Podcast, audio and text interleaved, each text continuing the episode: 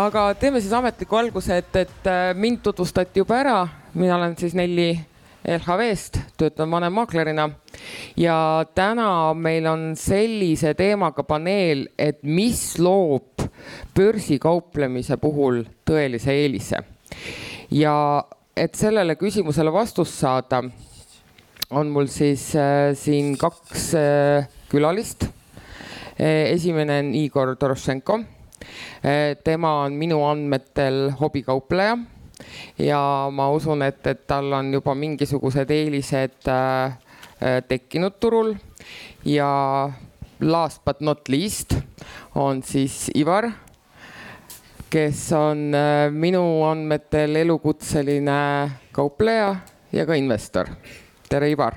tere nii, aga ma arvan, et asume siis ikkagi kohe asja kallale et äh, Igor, mis äh, ütleme, anname kolm varianti, eks, et äh, üldiselt öeldakse, et kauplemise puhul on vajalik äh, äh, kogemused või siis teadmised, eks, siis info kättesaadavus või siis selline hea psühholoogiline ettevalmistus. et kui sina nüüd hindama peaks, mis annab neist kolmest võib-olla kõige suurema eelise uh...? Õige vastus oleks see, et seal ei ole mingit ühte asja, mis, mis annab nagu kindla eelise, et see tegelikult. kõige suurem või üldse, kui ütleme siis äh, osakaalu uh,? ma ütleks, et äh, see on nagu Aleksander Elder tavaliselt ka ütleb, et see on nagu tabureet, kus sa paned nagu mingi kolm jalga, ühe ära võtad, siis äh, sa ei saa selle peale istuda, et kauplemisega on samamoodi, et sul peavad olema Äh, kõik need omadused ja need peavad olema kõik tugevad, et, et kui sul on vähe mingi, mingi üks asi on nõrk, siis tegelikult kogu sellest asjast ei tule hästi välja. Ivar, mis sa arvad? Äh, tere kõigile ja vabandust, vabandust, et natuke helinesin. Äh, kõige olulisem minu meelest on ikkagi infole ligipääs, et mida kiirem on info, mida kvaliteetsem on seda info, seda lihtsam on raha teenida Äh, teiseks ma paneks näiteks mm, psühholoogilise kindluse või sellise noh võime turul olla, sest turul on ikkagi väga selline karm konkurents ja kui sa oled lihtsalt selline nõrk ja abitu, siis sa lihtsalt jääd alla. ja samas sa pead olema selline alertne, et äkki hästi, hästi kiiresti liikuma, hästi kiiresti mõtlema. sa ei saa nagu udutada või noh, selline hästi aeglaselt mõelda niimoodi. et sa pead hästi kiiresti, kiiresti, kiiresti, kiiresti, kiiresti tegema ja sa pead olema võimekas infot läbi töötama. kui need enam-vähem oskused on olemas, siis ma arvan, et inimene on võimeline turgudel raha teenima ka natuke lühemas perspektiivis. aga noh, pikaajalisem investeerimine investeerimine ja selline nii-öelda swing trading või selline portfelli aeglasem juhtimine. see on tegelikult ligipääsetav minu meelest kõigile, küsimus ongi selles, kas selles hästi kiires, hästi võbelevas äh, režiimis saaks töötada. ja seal ikkagi infole ligipääs on nagu peaaegu et määrav. ja peale selle info ja kui sul info juba olemas, siis selle info läbitöötamise pealt ka tekib nagu kogemust, et mis mõjutab ja mis ei mõjuta. kes on näiteks tugev analüütik, kes ei ole tugev analüütik, kas see kool on nagu uus ja relevantne turule või ei ole. aga noh, siis kui juba info on olemas, siis siis mingi aja pärast see nagu tekib, see arusaamine mm. -hmm. et äh, tegelikult siit nüüd tulebki järgmine küsimus, mis on siis nüüd otse teile suunatud, et äh, et noh, kõigest tegelikult ei saa väga hea olla, eks ole, et, et on tugevamad ja võib-olla mitte nii tugevad küljed. ja, ja kui te ütlesite, et, et kõik need kolm omadust tegelikult on vajalikud äh,, aga tõenäoliselt te mõlemad tunnete, et, et üks neist kolmest on võib-olla ikkagi natuke tugevam kui teised ja loob teile selle eelise, et Igor, mis on sinu eelis või millega sina oled endale eelise loonud äh,? ma arvan, et kui me alustan sellest, et tuleme võib-olla tagasi selle esimese küsimuse juurde, et miks me nii erinevalt vastasime. Äh, ma arvan, et sellepärast, et tuleb aru saada, et kauplemine äh, on tegelikult äh, olemas erinevad kauplemised nii-öelda. väga kiire päevakauplemine, siis on olemas swing trading ja nii edasi, et tegelikult seal on ka erinevused, kui Ivar märkis, et on erinev, et on oluline, et kui kiiresti sa infot kätte saad, et tegelikult rohkem pikaajalisem swing trading, tradimise juures juures, see ei ole nii oluline, samas kui sa kaupled päeva sees või teed mingi viieminutilisel graafikul tehingut, siis see on oluline äh, aga nüüd, kui minna selle teise küsimuse juurde, et mis on minu eelis, äh, et äh, on selles, et mulle meeldib kõiki asju süstematiseerida. et kui vaadata kuidas mina tegelen kauplemisega, et mul on tegelikult Excelites kõik väga põhjalikult üles kirjutatud, et äh, kauplemisplaanid, äh, tehingud kirja pandud, tehingute analüüs ja nii edasi, et, et ma arvan, et minu puhul see on üks selline suurim eelis. süstemaatilisus ja analüüsivõime mm. -hmm. just e,. Ivar äh,? ma enam-vähem toetan sedasama arvamust, et ühel või teisel moel enamus inimesi, kes vähegi pikemaajaliselt ja süstemaatiliselt ja nagu professionaalselt tegeleb, neil on mingisugused kas analüüsid või mingid oma mingid, kas andmebaasid või vähemalt siis tähelepanekute kogumised, kogumid, kuidas turg nagu töötab, et see iseendale sobiliku info ja vajaliku info läbitöötamine ja seda suures nagu massis vaatlemine, see on kindlasti väga oluline. aga mulle endale näiteks meeldib rohkem sellised makrolähedased situatsioonid, et ma taban seda, et ma tavaliselt inimesed eriti ei saa nendest aru. aga mina kuidagi mõistan seda teemat, et, et ma lihtsalt mõistan mingeid asju, et võib-olla on see, et kui näiteks kümme eri teevad turul et võib-olla lihtsalt annab eelise teile see, et kui te suudate iseennast, endast nagu pildi ette saada, et mis te nagu kõige rohkem teile sobib ja millest te ise aru saate. ja nagu sihuke seose loomise oskus. näiteks see, seose loomise oskus mm -hmm. ja selline kiire, üldiselt kõige olulisem, mida kiiremaks läheb see äh, treidimise periood ehk siis lühemaks, seda olulisem on, et on hästi palju infot ja seal sees kusagil on mingid hästi üksikud olulised asjad, mis tegelikult mõjutavad vähemalt esialgu. et pikemas perspektiivis muidugi mõjub kogu see raport, aga esialgu on mingid väiksemad asjad. et kui te suudate leida sellest suuremast infost nagu selle olulisema hästi kiiresti välja, et noh. ja teiseks võib-olla stressi talumine, selline pikemaajalisem, sest see on ikkagi tohutult stressirohke ja tohutult kurnav, et näiteks tüüpiline tööpäev võiks olla niimoodi, et kümnest saabute office'isse ja kell üksteist õhtul või kell kaksteist või kell üks või kaks öösel lähete minema noh. ja niimoodi aastaid ja aastaid, aastaid, aastaid, aastaid, kui me ekraani sul kiirgavad näkku, siis on see ikkagi üsnagi kurnav tegelikult noh.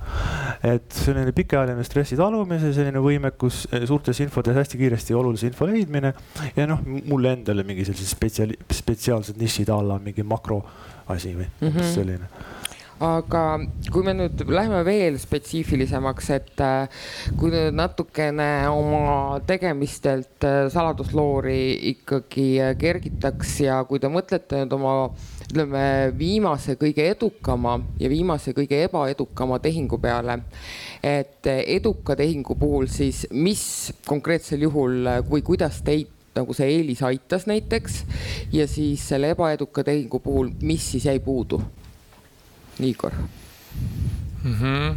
Ähm, kui ma mõtlen nüüd, et näiteks selle aasta edukamad tehingud äh,, mis olid äh, kuskil aasta alguses äh,, kui turg äh, kiiresti tõusis põhjast, et äh, tegelikult äh, seal aitas kaasa ettevalmistus ehk tegelikult kogu aeg tehes kodutööd, et teades, mis ma nüüd hakkan nagu järgneval nädalal tegema, mis ma ootan nagu, mis aktsiahinnad peavad tegema, et mina teeks midagi.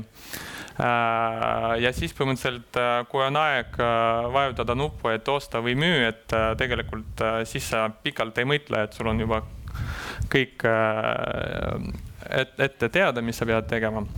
et, et äh, see on selline äh, eelis, mis aitas sel perioodil kõige paremat tehingut teha. räägi täitsa kohe niimoodi konkreetselt mõnest tehingust, et, et mis sa ostsid või mis sa müüsid, et, et noh selline.... no kaks head, mis mul meenub, oli üks oli, oli Google'i aktsia ja teine hea tehing oli aktsiaga, mille tiker on Okta mm. -hmm. et need on hästi tõusnud. ja, ja nendega olid siis edukad äh, tehingud? ja, ja., need, need on nüüd kõige kasumlikumad, et mm -hmm. ma mhm. just rääkides ettevalmistusest, ma just vaatasingi enne seda esitlust, et mis olid mu kõige paremad tehingud see aasta.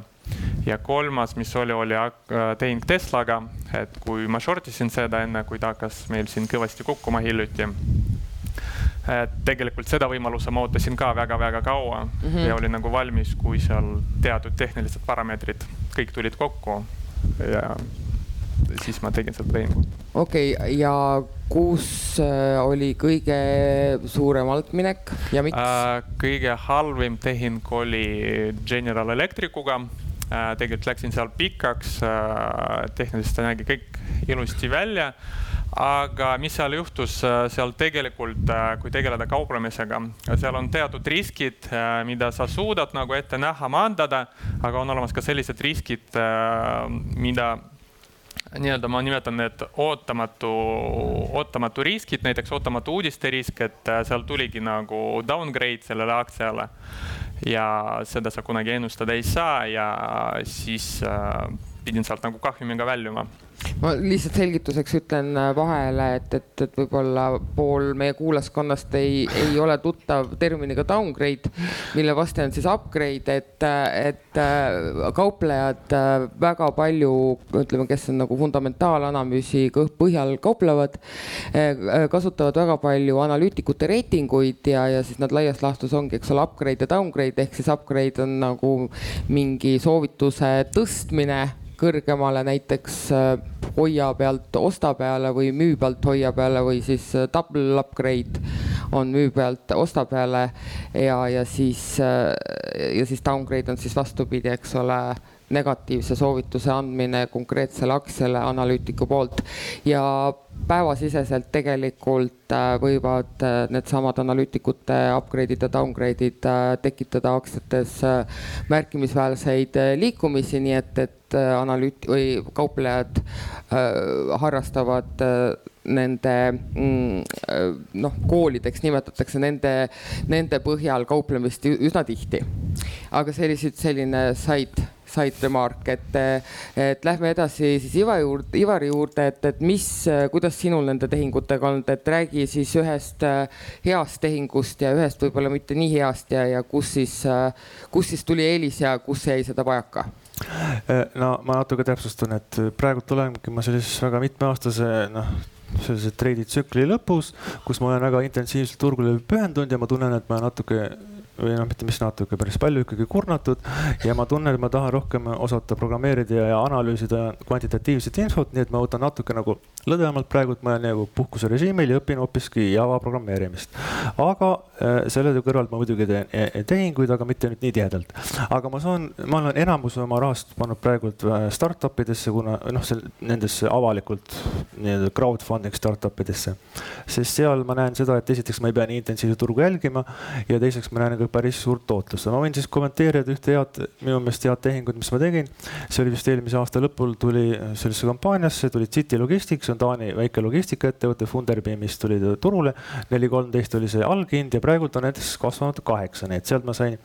Eh, noh, kuna mul väike nii-öelda hobi on ka ruumiökonoomika ja siis sealt linnaökonoomika, siis ma saan aru nendest ruumilistest protsessidest, et kuidas see asi nagu töötab, see logistika ja üldse see viimase, viimase miili logistika on selline asi, mida kõik on juba viiskümmend aastat siin lahendanud ja keegi eriti pole lahendust pakkunud. noh, ega see City logistika nagu kõik ära ei lahenda, aga ma näen seda, et see linnasisene logistika, mida tegelikult Lääne-Euroopa Euroopa linnad tahavad kõik välja peksta, sest seal on nii palju autosid, nii palju ummikuid, nii palju igasugust CO2 värki, särki. Nemad tulid oma mingi elektriauto, elektritrakkidega turule, nad suutsid seda asja nagu suuremat, laiemat näha kogu linnaregiooni põhiselt sest päris palju on siis nüüd linna või noh, selle city logistik teemal sellised mingid tüübid alla jäätise käruga või mingi taolised jalgratas ja taga mingisugune, ma ei tea hästi väike nagu kaubaruum, et see minu meelest absoluutselt ei tööta, et. et sealt ma nägin, et City Logistic oli just piisavalt kõrgelt, aga samas oli ta piisavalt väike, et sellesse suurtesse roheteemadesse, sustainability ja sellistesse teemadesse nagu sisse sobida. ja nad on hästi kiires laienemisfaasis, praegult tahavad veel nad raha kaasata enne järgmise aasta IPO-t ja mul on kahtlane tunne, et see asi, asi läheb küll raketti ära, et praegult on ta nelja pealt juba kaheksa peale tõusnud ehk siis sada protsenti tõusnud.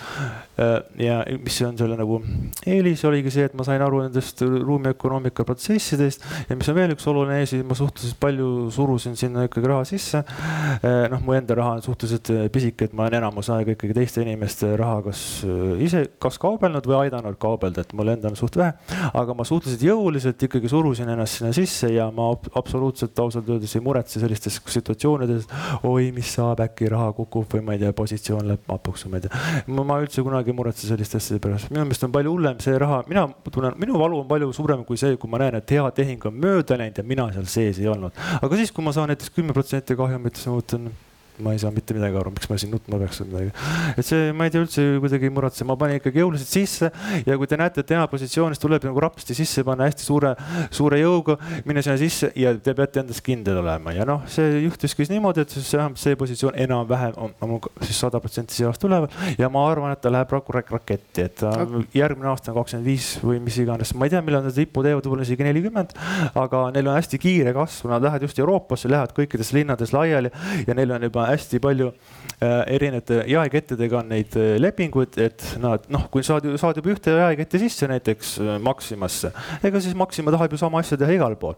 et neil on just need jaekettidega lepingud olemas ja nad laienevad ka sellepärast igale poole ja selles mõttes on see segment nagu huvitav, et on ju tead, teatud hulk nagu neid noh, kaubavedajaid ja kui nemad võtavad selle hea osa sealt ära, siis alla jääb mingisugune soga, kes jäävadki nagu oh, täna paneme siit, teinekord sealt, et nad võtavad selle head kliendigrupid endale ja laienevad siis kohe üle Euroopa, nii et ma arvan, et see ettevõte hakkab nagu paisuma tohutus koguses niimoodi. aga kuna meil on aeg limiteeritud, siis räägime natukene mõnest sellisest ka, kus sa vot tundsidki seda, et, et oleks pidanud minema, aga mingil põhjusel jäi sinna sisse minemata. see et... oli kogu see kanepi, Kanada kanepi buum, et kõiki turge ei jõua jälgida, kuna siis olin veel väga intensiivselt Ameerika turgudel, aga seal kanepi buum, see oli ka tohutu, see aktsia oli a la kümme senti, siis oli juba kümme euri või kümme Kanada dollarit, nii et see oli kõik täiesti, täiesti missitud asi, et see on täiesti fail, ma ütleksin. et peaks ikkagi selliseid turge jälgima ja peaks olema võim, just, just võim, võimekus ja mobiilsus minna sinna turule, kus on nagu tootlus. mitte ma oh,, ups, ma olen siin Baltikumis, no okei okay,, mis iganes, mis sa siis siin teed, noh.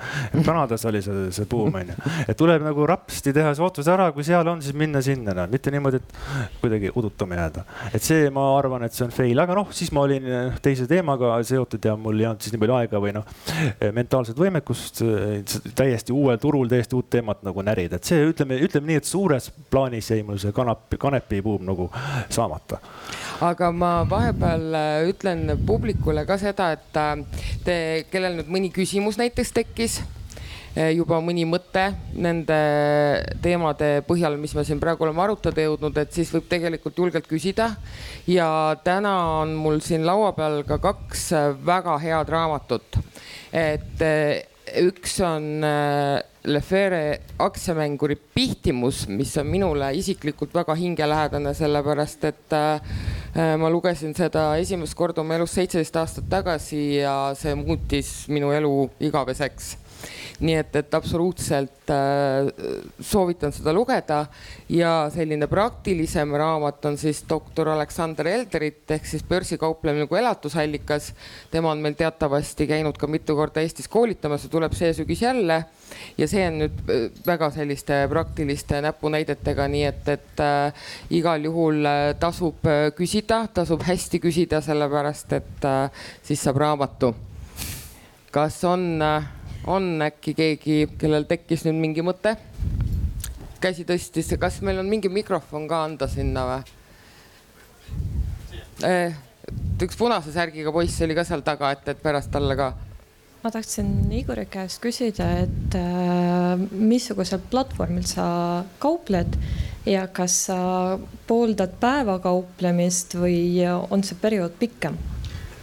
Äh, mina kasutan Interactive Brokersi platvormi Trader Workstation ja minu kauplemisstiil on rohkem kirjeldada sõnaga swing trading ehk äh, ma hoian positsiooni äh, alates ühest päevast kuni mitme nädalani.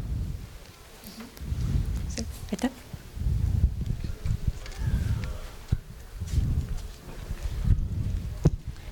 tervist, Kaarel minu nimi ja tahtsin küsida sellist asja, et kui palju te, kõik osalejad siis, et kui palju te oma igapäevakauplemises kasutate robotite abi? et, et te programmeerite nii-öelda mingisuguseid, ma ei tea, valupunkte ette ja et kui asi sinnamaani jõuab, et robot läheb tehingusse, tuleb ise välja ka või, või olete te kõik tehingud teete siis manuaalselt ise äh,? Alustan siis vastamisega, et äh, mina teen kõik käsitsi ja tegelikult see, millest sa rääkisid, selleks ei ole vaja isegi programmeerimist, see, on äh, selline orderi tüüp äh,, conditional order nimega, et sa lihtsalt paned seal, et kui hind läheb sinna, siis pane mulle see order. aga mina ikkagi teen kõik käsitsi no mina teen ka, noh, olen teinud käsitsi peamiselt sellepärast, et ma ei oska nii hästi programmeerida, et teha mingit, mingit robotit ja selle tõttu ma panengi praegu rõhku rohkem programmeerimise õppimisele. see on üld, üldkasulik oskus igasugusteks asjadeks, et ma arvan, et mitte ainult program-, robotite tegemiseks, aga üldiselt tänapäeval on jah, palju noh, trading, see nii-öelda käsitsi trading ehk siis nii-öelda click trading, see on no vähemalt suurtest pankadest on ta küll kadunud, et enamus on selline quant trading arvutitega. sa programmeerid mingisuguseid süsteeme või mingeid mehhanisme, mingi asju, et see on väga oluline oskus, aga kuna mul see programmeerimisoskus on selline nõrga poole olnud, siis ma otseselt ei ole teinud. aga see ongi just sellel eesmärgil nagu õpingi rohkem programmeerimist, et midagi, no kas teha siis robotit või mingit üldse kasvatada seda tehnoloogilist võimekust. et jah, üldiselt võiks öelda, et enamus turult tänapäeval tehakse automaatselt ja nende robotitega need tehingud, et selles aga, mõttes ta on väga oluline. aga ma küsiks nüüd siia veel korra vahele, et, et ähm, et kui me siin hästi täna väga tihti kasutatav sõna finantsvabadus ja rikkus ja kas äh, kauplejana on reaalne rikkaks saada? väga rikkaks nii rikkaks nagu, et, et saad öelda, et mind raha ei huvita no mida, mida kiirem on tehingute periood ja mida rohkem neid tehinguid on, seda kiiremini see rikkus tuleb, sest kui sa oled nagu dividendiaktsias, sa ostad siit ja müüd siit ja saad aastas oma see viis protsenti tootlust, siis noh, saadki aastas viis protsenti tootlust, onju. aga kui sa teed selle viieprotsendise tootluse näiteks iga päev, siis ju rikkus kasvab hästi kiiresti, onju. et selles mõttes on küll võimalik saada, aga siin tekib see probleem, et ei ole äh, ligipääsi infole, ei ole võimeline kogu seda turu võbelemist nagu, nagu katki hammustama või aru saama sellest, et tavalisel inimesel on selles mõttes nagu raske jah.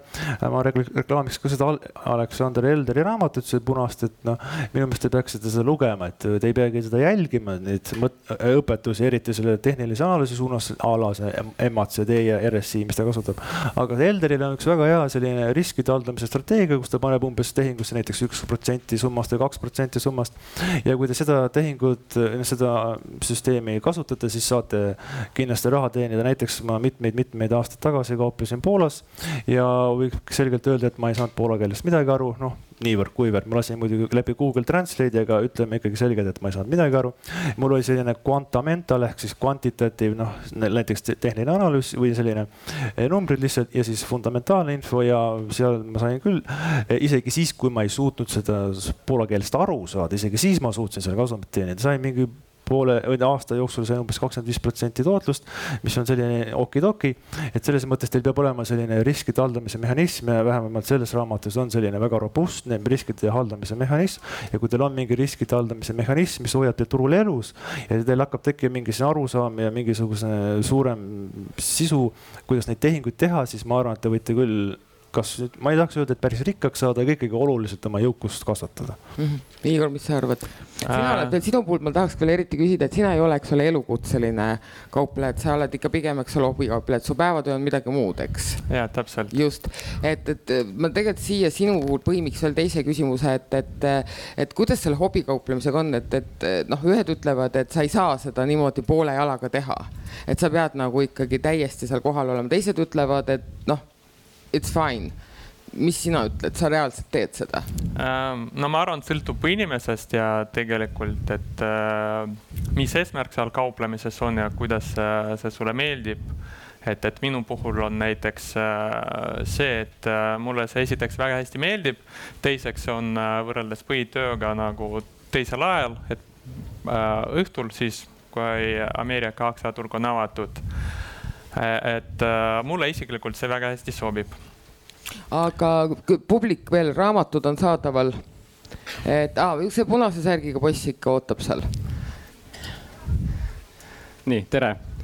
Äh, kuna üksikaktsiad on miljoneid ja miljoneid, siis mille alusel te loote endale selle valimi, mida siis analüüsima hakata mm,? see on hea küsimus, et äh, tegelikult äh seal on nagu kaks varianti kuidas valida aktsiaid, äh, mis kaubelda. Äh, esimene, mida kasutan mina, et sul on teatud äh, list aktsiatest, mis, mis, mida sa jälgid nädalast nädalasse, et mul on see umbes kuskil nelikümmend, viiskümmend aktsiat, mis ma pidevalt jälgin. et siis noh, aeg-ajalt seal üks-kaks vahetub, et mõned äh, lähevad börsilt alla, võetakse üle või siis äh, hind läheb liiga palju allapoole, siis tuleb mingid uued huvitavad aktsiad et, et selle meetodi eelis on see, et sa oled kogu aeg kursis mingi äh, firmaga, tead, kuidas seal aktsia äh, tehniliselt äh, toimib, mis uudised seal võivad tulla, mis, kuidas fundamentaalselt neid natukene saad aru.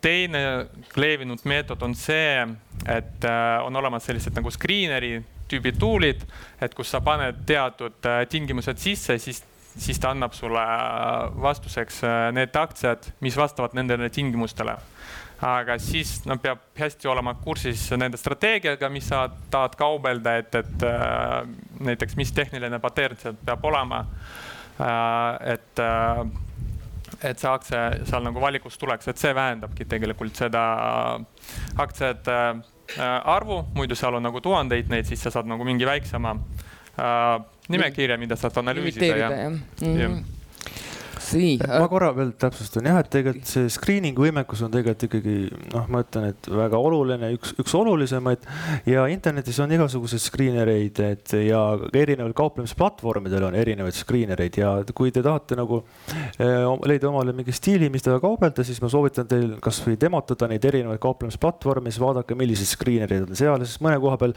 näiteks fundamentaalides saab otsida näiteks bilansi kaupa, mõnes kohas saab ainult mingite PE-de kaupa otsida.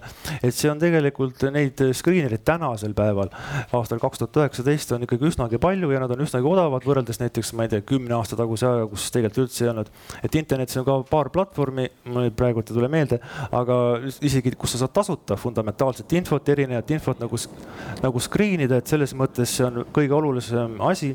aga infokauplejad või sellised tõesti day trade day trader'id, need pigem jälgivad infot, et sealt ise info tuleb esile ja sa näed, et aktsia hakkab nagu liikuma ja tekib mingisugune käive ja, ja mingisugune situatsioon, et seal sa põhimõtteliselt ei, noh, seal sa jälgid nagu infot, mis tuleb, et siis sa reageerid sellele. aga kui on selline swing trading ja mingi tehnilise analüüsi põhjal, siis ainuke võimalus on screener itega ja lihtsalt, milline teile endale sobib, mis, mis strateegia teil on. Eh, peate ise nagu lihtsalt läbi demotama, sest mõni screener on selline aeglasem, mõni on uimasem, mõni näiteks näitab seda, mis teil vaja, teist ei näita. noh, see ei ole võimalik öelda, et. aga me peame hakkama nüüd vaikselt otsi kokku tõmbama, et ma küsin äh, viimase küsimuse omalt poolt ja siis võib-olla ühe veel publikust, et äh, raamatud on endiselt äh, saadaval. kui nüüd keegi tundis, et, et ma ikkagi tahaks kauplemisega alustada, mis mul peab kindlasti olema, ilma milleta ei saa? et teised on noh, võib-olla, aga üks asi, mis mul peab kindlasti olema, Igor mm,? See peab kindlasti meeldima, et äh, kui sa teed mingi asja, mida sulle ei meeldi. raha pärast siis ainult äh, või? just mm, -hmm. et äh, ei, mitte raha peab meeldima, vaid kaup, ei, selles mõttes, et sa hakkad kauplema ainult raha pärast, et sulle tegelikult see tegevus just, ei meeldi. nagu tuleb aru saada, et see kauplemine on nagu sama äri nagu mis iganes mm -hmm. teine, et, et äh, kui sa tegeled mingi asjaga, mis sulle ei meeldi ainult raha pärast, ehk sa siis ei ole päris õnnelik ka ma arvan, et see on üks olulisemaid asju. Äh, Ivar piisava kapitali olemasolu, võimalikult palju infot ja see peaks olema kvaliteetne, hästi kiire info, mitte niimoodi, et õhtul loed korra ja siis on tegelikult vanad uudised ähm,.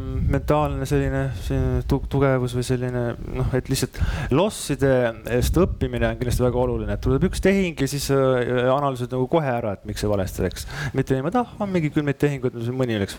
ehk siis selline ja. väga tugev eneseanalüüsi võime, eks ole. ei ole mingi, mhm. ah mingid tehingud, ma ei tea, et see peab peab kohe kõik tehing on, see on nagu umbes nagu viimane tehing, et kui see nüüd aru ei saa, miks valesti läks, et siis kogu maailm lõpeb, et peab väga intensiivselt selle nagu käsile võtma.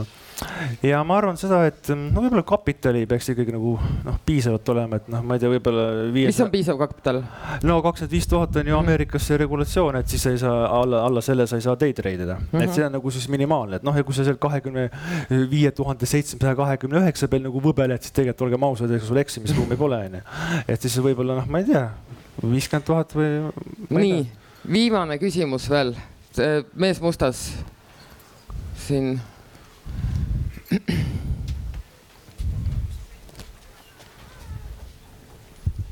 tere, Ivar on hästi palju infot maininud, et äh, küsimus, et kust sa hangid infot ja kuidas?